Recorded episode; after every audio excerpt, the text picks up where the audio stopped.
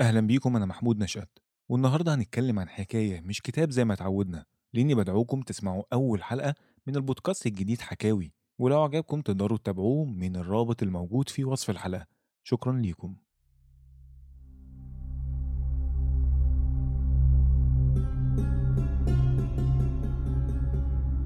الدنيا محارباك وحاسس بالإحباط من كتر المشاكل اللي بتواجهها وبدأت تقتنع إن عمرك ما هتوصل للي أنت عاوزه. طيب ما تيجوا نشوف من تاريخنا حد أولى إنه يقول عن نفسه كده. ووصل لإيه في الآخر؟ أهلا بيكم في بودكاست حكاوي. أنا محمود نشأت وهحكي لكم النهاردة حكاية محمود محمد بيرم الحريري واللي اتشهر بإيه؟ بيرم التونسي. اتولد في مارس سنة 1894 في منطقة السيالة في اسكندرية وفي زاوية الشيخ خطاب بحي الأنفوشي اتعلم في كتاب الشيخ جد الله والحق يتقال الشيخ جد الله كرهه في الكتاب والتعليم. وبالنسبة لأبو بيرم الواد بقى ملوش في العلام ويفضل إنه يشتغل معاه في محل المنسوجات وهنا بدأ أول شغل في حياته.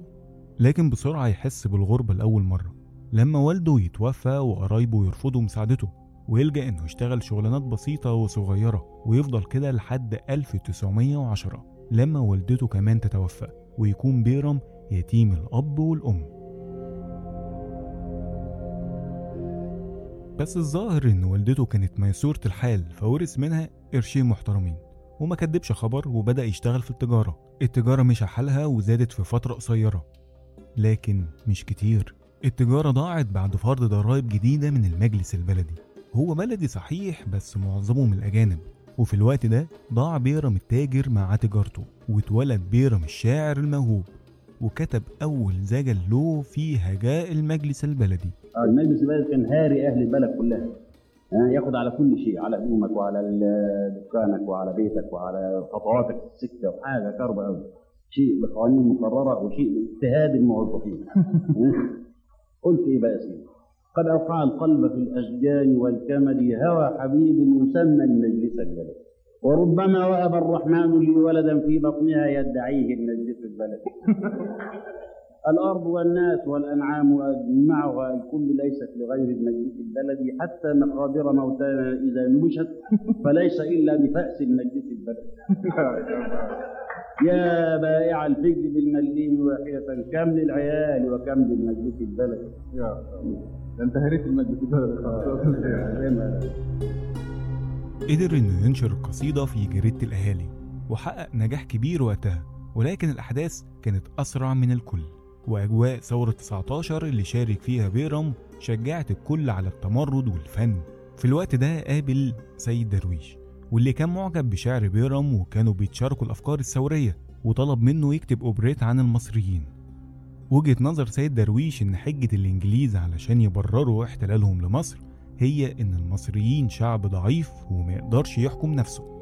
وعلشان كده كان عاوز أوبريت يمجد شخصية المصري فكتب بيرم أنا المصري كريم العنصرين بنيت المجد بين الأهرامين.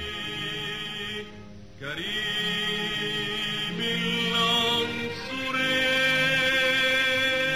العنصرين بنيت المجد بين الهرمين وفي يوم يقرر بيرم إنه يصدر جريدة منه لنفسه كده وفعلا عمل جريدة وسماها المسلة وكتب عليها المسلة لا جريدة ولا مجلة علشان يهرب من الرقابة. وكتب عددها الأول بنفسه من الغلاف للغلاف وطبع 5000 نسخة. وفي يوم 4 مايو 1919 نزل بنفسه يوزع على القهاوي والمحطات. وبعد كام يوم أهل اسكندرية ما كانش عندهم سيرة غير بيرم والمسلة اللي مليانة شعر ضد الإنجليز وبلسان المواطن المصري. المواطن المصري المفروم بين الإنجليز والحكومة وأتباع الاتنين. والعدد التاني صدر المرة دي من القاهرة بعد ما نقل بيرم نشاطه كله هناك. طبعا حصل مشاكل كتير بسببها لكنه كمل كمل لحد العدد ال 13 واللي لسم فيه على السلطان فؤاد وابنه فاروق. والسلطان ما كدبش خبر وأمر بقفل المسلة للأبد. والصراحة بيرم لم ييأس وقام عامل جريدة تانية وسماها المرة دي الخازوق. وهنا نعرف هو كان قد إيه حريص لما اختار اسم المسلة قبل كده. بس المرة دي كان نفد صبر للسلطان وطبعا أمر بقفل الجريدة برضه وكمان نفي بيرم بره البلاد. خلينا نرجع قبل نفيه بكام سنة ونشوف علاقة بيرم بالقصر.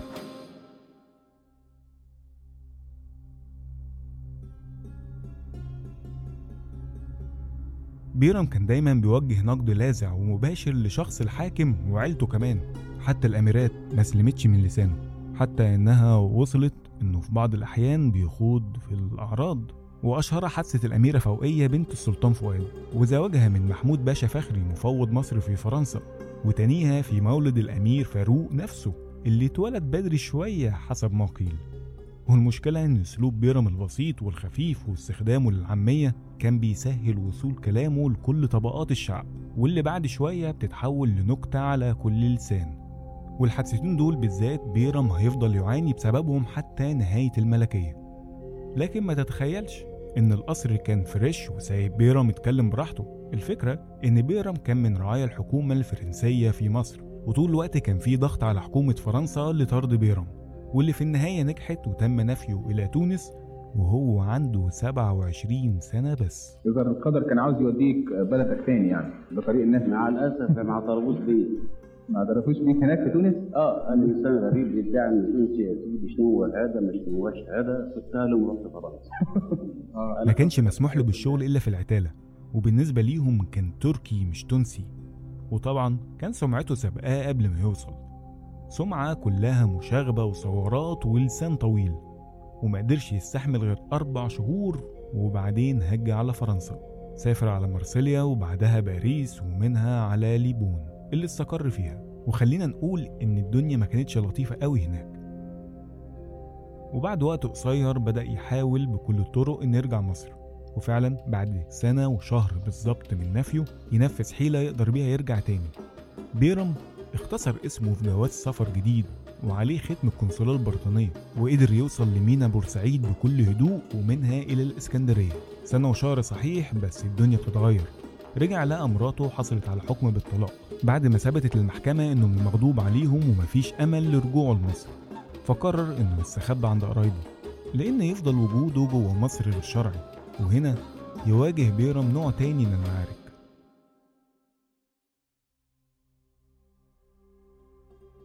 بعد ثلاث شهور ما قدرش يصبر ورجع تاني للقاهرة. وبدأ ينشر شعره مرة تانية لكن من غير اسم. والواضح إن كارهين بيرم ما كانوش من السياسيين فقط لأنه اتبلغ عنه من زمايله وبعد 14 شهر قضاها مستخبي يترحل مرة تانية لفرنسا. المرحلة دي في حياة بيرم تقدر تسميها تعلم الدرس لأنه بقى قادر يتصرف بحكمة أكتر في الورطة اللي هو فيها وقدر يسايس أموره وينشر جوه مصر وهو في المنفى وفضل على الحال ده 15 سنة.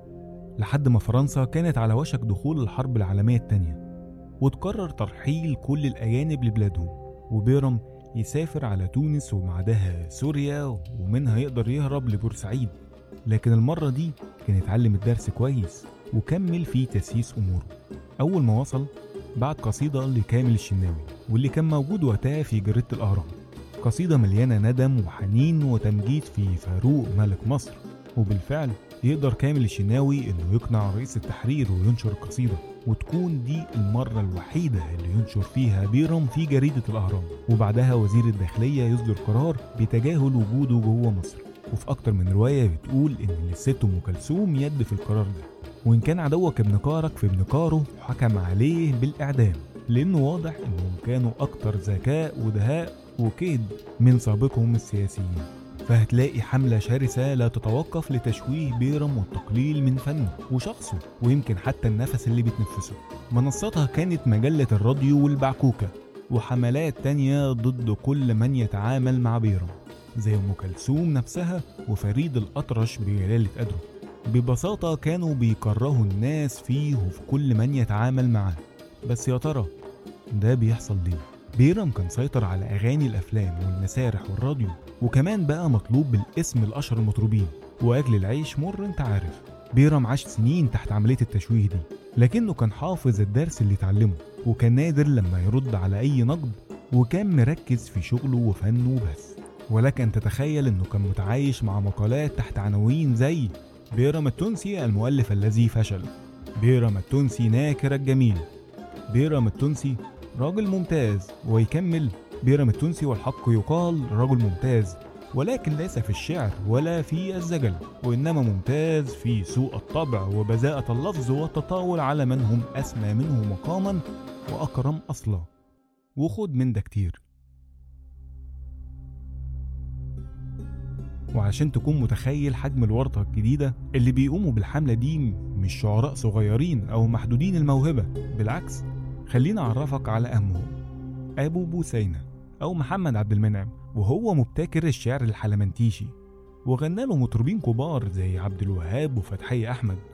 وتاني واحد هو فتح أورا واللي أنت عارفه أكتر مما تتخيل هو اللي كاتب مال القمر ماله وماما زمانها جاية وقلبي مفتاحه ويا سلام على حبي وحبك ويا سيدي أمرك والناجح يرفع إيده وآه منك يا عين.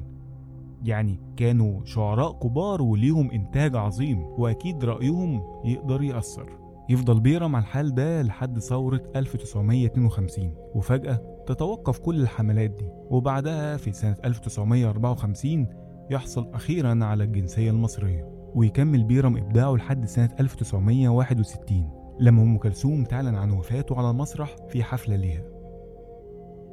يمكن بيرم غلط لكنه قدر يتعلم من غلطته وهو ده المهم. وحتى اللي حاربوه طول عمره التاريخ نسى كل مجهودهم في محاربته. وافتكر بيرم التونسي الشاعر العظيم ومجده اللي بناه بفنه وإصراره. والنهاية إن بيرم رغم كل شيء وصل فعلا اللي هو عاوزه ويمكن أكتر تتفق أو تختلف مع شخصية بيرم التونسي لكن تفضل قصته حافز عظيم ومثل على الإصرار والوصول. ابعتوا لي رأيكم في قصة بيرم التونسي. ولو عجبتكم الحلقة دي اعملوا like و subscribe. أشوفكم الحلقة اللي جاية. أنا محمود نشأت وده بودكاست حكاوي.